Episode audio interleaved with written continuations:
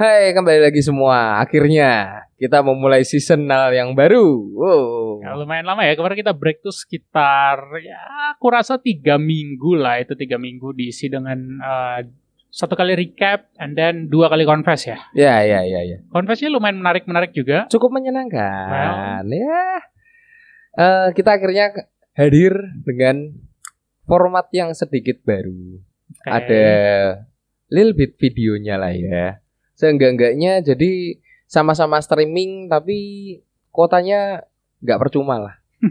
Iya kan? Ya betul sih. Kalau enggak kan ngapain streaming? Dibikin satu empat empat aja udah nggak apa-apa kan? Kemarin gitu sebetulnya di season 1 kita udah mau nyoba bikin Udah. dengan video tapi kita rasa kita butuh waktu buat nge-finalize apa yang perlu dilakuin.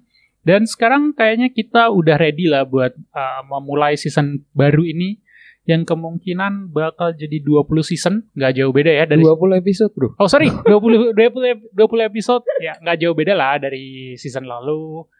And this trend hopefully bakal continue uh, 20 ya 20 episode and then we take a break two or three weeks and then 20 episode and then so on and so on.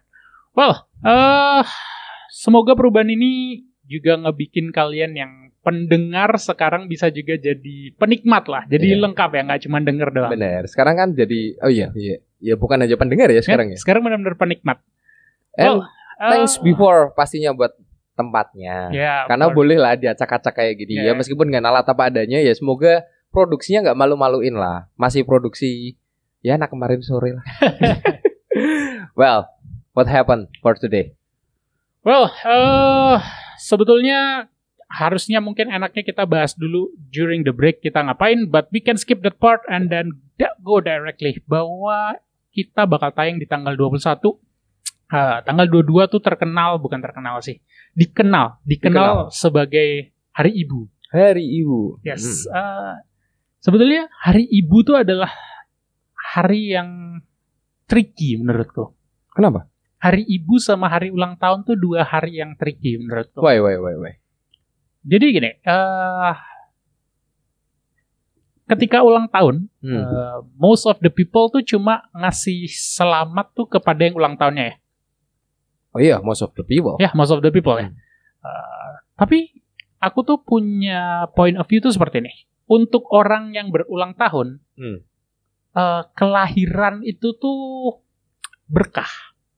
Kelahiran tuh something yang joyful, menyenangkan. yeah. But for the mom, it's a battle.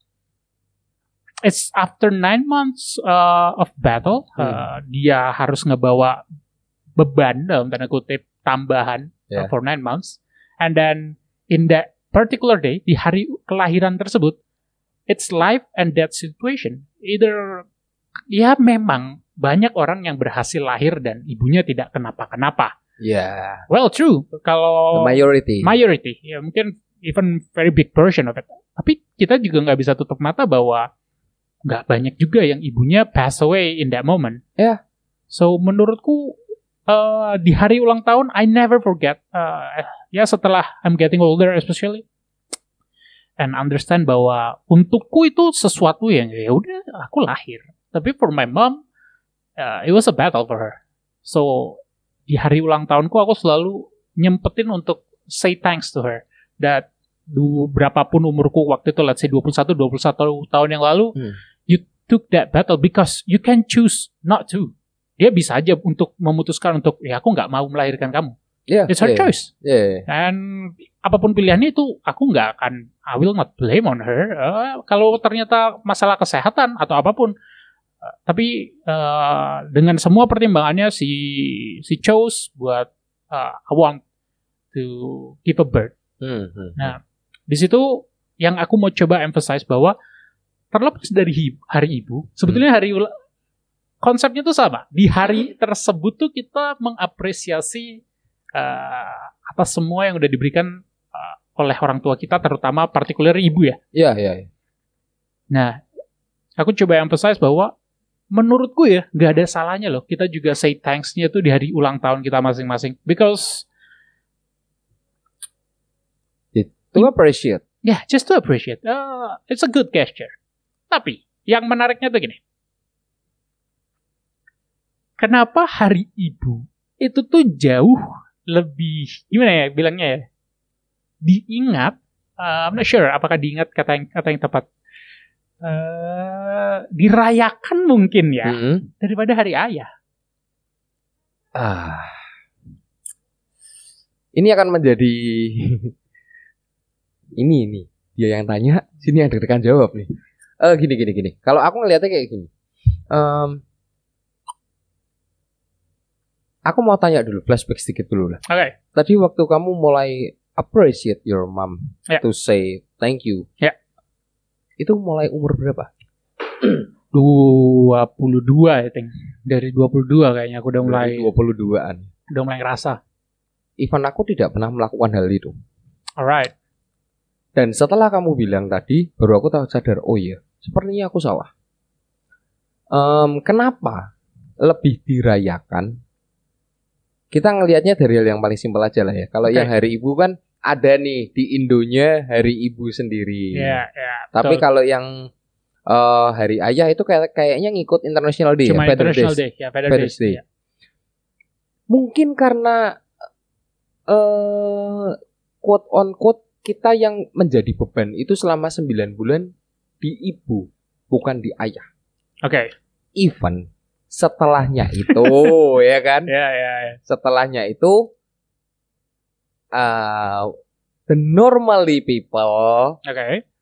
ayah yang menyangga bebannya itu. Oke. Karena kan kita hanya lebih apa ya kalau bisa dibilang tugasnya itu apa enggak memenuhi sih kebutuhannya si anak, istri, Provider lah ya. provider. Oke. Lebih lebih ke arah sana. So, tapi kan kadang kalau kita di adat ketimuran Oke. itu kan memakai perasaan yang sopan santun dan halus. Oke. Jadi lebih mungkin yang yang diutamain ya ibu ya, Oke, oke. mungkin. Tapi eh mengetahui dua hal tersebut ini bahwa ya birthday yang correlate dengan battle seorang ibu and then hari ibu untuk merayakan semua yang di, Mhm. diberikan ibu selama kita hidup. eh aku ngerasa ya, terutama ketika pengalamanku di luar negeri, banyak dari mereka yang memang aku nggak tahu kenapa mereka cuman nggak memiliki rasa gini, memanggil orang tua dengan nama belum tentu tidak hormat. Kalau di luar negeri ya, Oh iya, iya, Ya. iya. ya mungkin mereka memilih untuk memanggil nama eh, di keluarganya untuk memanggil nama saja. Mhm. Bahkan mungkin orang tuanya yang meminta untuk memanggil namanya. Mhm. Ada yang memang anaknya yang mau. Tapi itu belum tentu menunjukkan bahwa eh, tidak ada rasanya hormat. Iya. Tapi tidak banyak juga kasusnya, terutama eh, di orang-orang ya bisa kita bilang di kulit putih lah ya kita Hmm, bilangnya ya, hmm, hmm. tanpa tanpa mencoba stereotype dan racist. eh, mereka memang anak mereka tuh punya kecenderungan tidak memiliki rasa hormat kepada ibunya, lebih kepada ibunya Tidak memiliki rasa hormat. They yell back to the mom, uh, scream back to the mom. Jadi gini, first time pengalamanku ngelihat seorang anak dipanggil ibunya terus neriakin balik. Aku lihat itu first uh, first hand experience tuh bener-bener, aku pikir cuma di TV loh. Oh iya? Dan yang lebih shockingnya adalah orang tuanya tuh cuman menerimanya. Oke, cut cut dulu. Eh, we said this in another country, right? Ya, ini another Oh, country. oke, ya, ya, ya, oke, ya. oke, oke. So, um, mungkin karena di sana mereka ngelihatnya posisi tanggung jawabnya aja yang berbeda ya. Oke. Maybe loh. Berarti mereka setara cuma tanggung jawabnya yang berbeda. Atau bagaimana? Oh, mereka melihatnya the responsibility after apa dia lahir itu Oke. lebih banyak mungkin di pundaknya ayahnya. Mungkin ya ini aku cuman ngelihat eh, cara pandangnya Sono aja. Oke, oke. Jadi karena mereka mungkin udah tahu oh nih my father work every day for me and Oke. my mom, so I give more respect to the Him, father ya. ya, ya. Maybe ya, maybe. Oke, ini pun masih maybe ya. Karena eh, aku ngerasa ya, saat aku pertama kali melihat kejadian itu, aku ngerasa jangan-jangan orang Asia ini lebih lebih bagus loh dari eh, segi parentingnya. Karena let's say, if the name of the kid is John, Hmm. and then ibunya teriak John, Hmm. uh, come here. Johnnya datang, and then ibunya cuma bilang clean up your room, bersihin kamarmu. Hmm. And then Johnnya balas adalah you clean it up. Can you imagine bilang gitu di di negara ini? Gitu loh. Aku trying to imagine you clean it up ke orang tuaku saat uh, disuruh bersihin kamar. It will be I don't know God beaten atau apa pun. Nah, aku jadi mencoba berpikir bahwa jangan-jangan kalau dari point of view-ku ya, Hmm, hmm. jangan-jangan parenting orang Asia lebih baik daripada parenting orang luar negeri. Em, sebenarnya aku cukup setuju.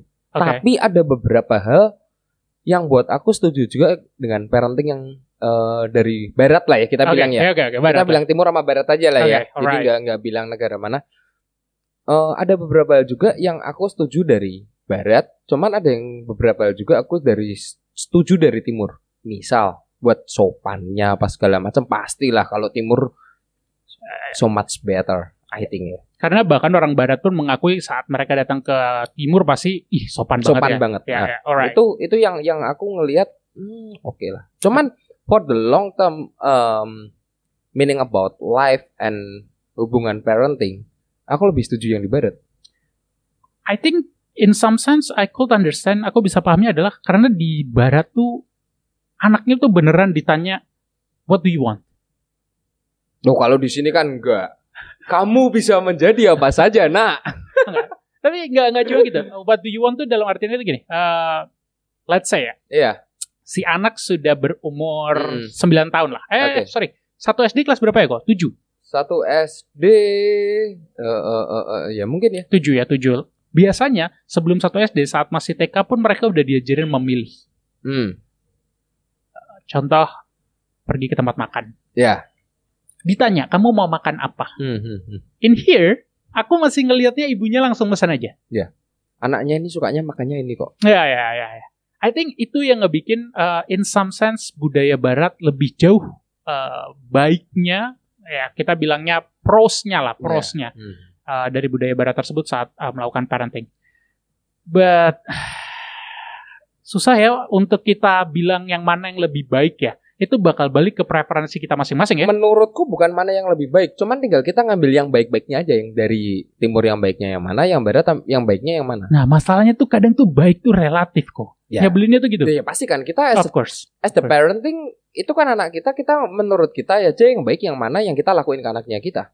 Karena buat beberapa orang tua sebuah ya ini mungkin terdengar fakta ya. Hmm. Tapi buat beberapa orang tua ya buat apa anak sekecil itu disuruh milih makan apa? Ya, ya. Right? Ya, ya, Right? ya, ya. Ya dia nggak dia mana ngerti makanan apa. Hmm, hmm. Tapi di barat bahkan anaknya tuh pernah aku lihat dia mesen makanan yang contoh anak eh, tujuh tahun apa berapa tahun ya lumayan besar 9 tahun mungkin dia milih Caesar salad. I don't think so. Dia tahu Caesar salad itu apa. Ya. Tapi dibiarin loh kok pesen itu. Maksudnya aku nggak kebayang sih di Indonesia seorang anak dibiarin mesen makanan yang orang tuanya tahu nih anak pasti nggak suka. Pasti bakal bilangnya jangan yang itu yang lainnya aja. deh." Ya kan, Ya kan, kan? kan, Ya kan? kan, Aku langsung langsung kebayang Hmm. tuh langsung gitu, Mat. Nah, eh, dan yang biasanya mem- memiliki peran-peran seperti ini tuh ibu ya. Ya. Ayah tuh mau di sini mau di sana, memiliki kecenderungan yang sama. Ya udah, pesan aja. Ya. Ya, kalau nggak habis ya udah. Itu yang biasanya kejadian. Kadang kan kayak gini. Ada ada sebuah obrolan. Let's say kita kalau kita pas parenting ini. eh mungkin waktu pas kita zaman zamannya belajar pulang Pagi. malam atau pagi lah ya. Ya, alright. Eh, kesannya tuh mungkin yang nelponin itu eh ibunya kita. Oke. Padahal yang berisik itu bapaknya. Iya kan? Ya, ya, ya, ya. I think I, Ini I loh. Get. Anakmu jam segini belum balik. Sono telepon. Even dia sendiri tuh nggak mau yang nelpon. Ya, ya. Dia mungkin hanya lebih dengan menunjukkan dengan cara tindakan. I'm gonna waiting you until you come home. Oke. Menurutku. Nah, Nah, hal-hal seperti itu yang memang jadi kesannya selama ini terlihatnya sosok ibunya yang lebih eh, eh, dominan ya dalam ke- Ah. dalam parenting ya. Itu yang ngebikin kesan terhadap ibunya tuh jauh, Jauh, lebih lebih mendalam. lebih mendalam ya. Ya. Well, mau di sini, mau di sana memang ya memang bahkan di barat pun ya memang tugas seorang ayah memang normally ya Hmm. provider juga. Ya, providing. Ya, tetap providing juga sehingga mau di sini mau di sana ya aku rasa it's only normal ketika seorang ibu yang di-emphasize lebih. Hmm. Tapi ada tapinya. Aku rasa tuh sebetulnya walaupun sedingin apa pun sosok seorang ayah, deep down tuh dia juga tetap mau diapresiasi tau kok. Oh iya iya dong, pasti.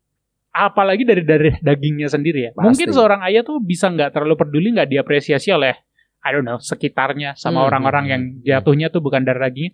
Tapi kalau dari anaknya tuh ya dia nggak mau cuma dilihat dia akan selalu bilang ya udah sana perhatiin aja ibumu perhatiin aja ibumu Ya, perhatiin ya, aja ya. ibumu tapi itu akan mulai kelihatan ketika si ayah tuh udah umurnya udah 60 up Mhm. dia tuh akan udah mulai nunjukin bahwa aku tuh juga mau diapresiasi Iya. Nggak salah. Karena kadang kita yang jadi anak sedikit terlena. ya true Karena ya mungkin let's say kayak maybe eh, kamu keluar negeri nih. oke Waktu kamu keluar negeri, kamu eh, belajar di sana, who's gonna be call you? Your Yeah. mom or your dad, ya of course ya kan? Ya. Jadi orang itu akan jauh lebih melekat aja. Cuman for realnya ya seperti yang kayak aku tadi bilang. Ibaratnya bapaknya yang bilang, "Sono, telepon." Ya, Tanyain tuh anak masih hidup apa kagak. Mungkin dengan bahasa yang kasar itu tapi ya mean Oke, so aku mencoba uh, mengambil poinnya adalah itu tuh karena kebiasaan juga kok. Ya. Jadi karena ini yang aku mau coba kritik dari beberapa sosok ayah adalah uh, stop trying to look cool. Kayak it's it's your own child gitu. Hmm. Kamu nggak harus terlihat setangguh itu di depan anakmu dalam segala kondisi menurutku ya. It's okay to show that you're still vulnerable here and there kalau uh, darah daging sendiri. Kalau aku ngerasa gitu. Kenapa aku bisa bilang gitu? Karena berawal dari hari ayah yang less celebrated dan less remembered itu ya berawal dari ayah-ayah yang mencoba terlihat terlalu tangguh di depan anaknya. Kayak orang yang nggak punya emosi. Menurutku it's only normal ketika selama anak itu hidupnya 20 or 20, 30 tahun selalu yang dikasih ke anaknya itu ibunya terus tiba-tiba anaknya disuruh ngapresiasi ayahnya itu susah. Walaupun ya kalau ditarik jauh ke belakang andil ayahnya tuh banyak banget aslinya. Iya, iya, iya. Eh, tapi kalau aku ngeliat ya, pergeseran sekarang dari parentingnya udah mulai beda juga kok. Udah mulai kelihatan mungkin ya. Udah mulai kelihatan. Beda nggak kayak dulu dulu banget lah. Karena kan kalau dulu banget itu ibaratnya gini ya. Eh, let's say kayak dalam parenting tuh ada yang bad cop sama good cop. Alright. Siapa yang akan memilih menjadi yang baik, siapa yang akan jadi buruk dan biasanya ayah adalah sosok yang seolah-olah buruk. Yang mungkin pada saat ayah sudah sekali teriak atau ngomong apa, Semua diam. Diam. Nah. tetap figure out-nya seperti itu pasti ada. Oke. Nah, karena mungkin udah dilakuin dan di, eh, udah di brandingnya seperti itu, kita pun mulai yang generasi-generasi milenial kayak kita perlahan mulai ngerubah. Cara pendekatan ke anaknya berbeda. Menurutku kayak gitu sih. Walaupun yang kita obrolin barusan tuh nggak mungkin mencakup semua ya. Tetap No. akan ada yang kebalikannya. Ayahnya yang benar-benar warm, hangat, caring. Iya, iya, yang iya. ibunya yang benar-benar cuman ah, ya nggak ya pelayak eh peduli selayaknya lah ibaratnya Hmm. kalau kita nyebutnya. Tapi yang mau kita coba bahas tuh adalah probably eh, karena pendengar kita banyak kan yang mungkin yang umurnya udah mulai cocok jadi parent Iya, atau iya, iya. lima tahun lagi jadi parent dari statistik sih begitu. Ya dari statistik itu begitu ya. Uh, I'm trying to say adalah buat sosok-sosok ayah atau calon-calon ayah, it's good to start to berubah lah uh, here and there untuk nggak melimpahkan semua kasih sayangnya cuma lewat ibu. Iya, iya. Walaupun itu akan nunjukin ya kamu vulnerable mungkin di depan Hmm, hmm, hmm. anakmu Hmm. karena sosok ayah yang dianggap selalu kuat, selalu ada, selalu ini, tahu-tahu eh, saat anaknya sedih ikutan sedih. Ya. Akan kelihatan, loh kok ayah kok nggak ternyata nggak segagah itu ya. Ya, ya. ya. But I think it's it's good buat seorang parent buat sesekali terlihat lemah. Aku ngerasa ya, my own figure, my dad figure ya, itu tuh kayak dia nggak punya air mata tau kok. Masa aku umur segini baru lihat dia nangis sekali? It's like robot, right? Ya mungkin yang dia nangisnya pas gak ada kamu aja. Maybe. Iya That- dong. that- that's possibility. Iya, iya. Tapi for I don't know, that's I'm quite old and then dia nggak pernah nangis satu kali pun di depanku. Maybe That's surprising. Juga mungkin ayahmu ingin make the brand to be a man you must be strong. Ya, memang betul, tapi menjadi strong itu tidak harus tidak menjadi hangat juga. Ya, aku setuju. Menjadi strong tidak harus menjadi So- tidak hangat. ya. eh, Lebih lebih lebih lebih enak mungkin dengan ngerangkul ya. betul betul betul. betul. Ngerangkul kalau em, ya ibaratnya gini lah. Pada saat kita jadi anak let's say tahu mau jatuh, minimal tahu pegangannya ke siapa. Alright. Nah, itu mungkin bisa didapatnya dengan trust kepercayaannya berupa sesuatu yang hangat aja dari ayah. Ya, Koko tahu nggak sebuah game yang anak Hmm. ditaruh di tengah, Hmm. ayahnya di kiri, ibunya di kanan, ayah ibunya lari, anaknya ngejar siapa? Oh iya, like a, eh, and TikTok, right? Oh, itu awalnya nggak tahu dari TikTok atau apa pun. But I think ya, it shows something lah. Karena majority itu lari ke ibunya. Ya, kedekatan dalam pengurusan segala macam, bonding selama di badan itu bakal berbeda juga. Tetap bakal beda lah ya. Tetap bakal beda. Cuman perlahan, yang aku yakin perlahan memang dari laki, dari sosok ayah itu juga udah ngerubah cara parentingnya lah, pastilah. Kalau menurut Koko, sebuah ajaran yang selalu mengemphasize ke ibu, ibu, ngaruh juga nggak? Iya dong, Ngaruh ya. pasti. Jadi, apakah emang ini takdir seorang ayah yang ya dalam tanda kutip cuman orang di balik layar? Hmm, I don't think so. Pelan atau lambat tergantung cara kitanya ngebawa seperti apa dan gimana anaknya melihat itu ada oh iya ternyata ayahku kayak gini. Biasanya meskipun kayak gitu si ibu tetap beritahu. Oke. Biasanya ya. harapanku dengan podcast yang hari ini tuh sebetulnya eh, aku pengen ya eh, hari ayah tuh sedikit banyak tuh lebih dapat perhatian lebih lah. Tapi I hope the dad is not taking that for granted. Jadi mereka juga berusaha. Ya ya ya. So kita bisa anak dan ayah tuh ketemu di tengah. Hmm, hmm, hmm. Si ayah berusaha untuk tidak menjadi terlihat se Cool itu. Ya, sekul itu Hmm, seperti hmm. like a ice Robot, batu lah, ya, ya, kayak ya. robot gitu. Dan si anak juga mulai mengapresiasi dan melihat lebih jauh ke belakang bahwa well, uh, my mom seems nggak make that much money, tapi kok kami tiap hari ada makanan di atas meja. Iya. I think someone gonna work, right? Maksudnya Ya, yang ya. hal-hal seperti itu. Well, mungkin sesekali mungkin itu ini mungkin linkage-nya tuh di sini kok. Hmm. Because in our society, Hmm. anak nggak dibiasain tahu soal uang dari kecil. Iya, itu salah satunya. Gini, mungkin akan lebih tepatnya pendengarnya kita kan eh, selain yang usia yang pas untuk memiliki anak mungkin eh, lima tahunan lagi, kan ada yang di bawahnya juga ya. Ya, ya. Yang di bawahnya mungkin kita ingetin, ya di flashback sedikit deh. Ya. Belum tentu semua hal yang mungkin kelihatan baik itu inisiatif maybe dari mom Ya, ada sedikit banyak pasti dorongan dari dad juga kan. Ya, Ya mungkin itu yang sedikit banyak kita harus sadar aja.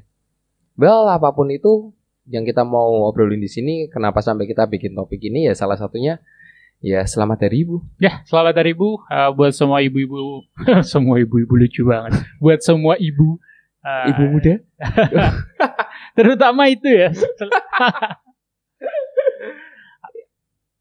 Tapi harapanku juga ya uh, buat pendengar uh, yang masih muda ataupun yang udah menjadi ayah, well mungkin sudah saatnya uh, saling mendekatkan diri lah, saling menunjukkan juga uh, bahwa seorang ayah itu juga bisa lebih care, Iya. nggak melulu kerja dan duit. Uh, spare some time lah buat si anak. Mau Dan- umur berapapun ya, Dan tunjukin lah. ya dan tunjukin ya. Tepatnya tunjukin. Jangan menggunakan orang ketiga. Ya betul betul. Iya kan? betul. Berhenti jadi dalang. Oke mungkin gitu dulu buat yang eh, episode pembuka kita di season yang kedua ini. Kayaknya berat banget ya. ya nggak apa-apa lah untuk memulai sebuah season baru sedikit bijak nggak apa-apa. Gak apa-apa lah ya. Nggak apa-apa. Biar kelihatan auranya bagus aja. Entah setelah habis itu pakap-pakapan lagi. Oke deh mungkin kayak gitu. Kalau mungkin ada yang mau eh, disampaikan atau dibahasin bisa di DM langsung ke Grand Creative Media di Instagram kita. Atau mungkin kalau memang ada yang mau confess Ya, bisa sure. lempar ke sana di Grand Creative Media. Mungkin segitu dulu. Aku Eko cabut Aku Ardo juga pamit. See ya guys. and bye bye. Thank you.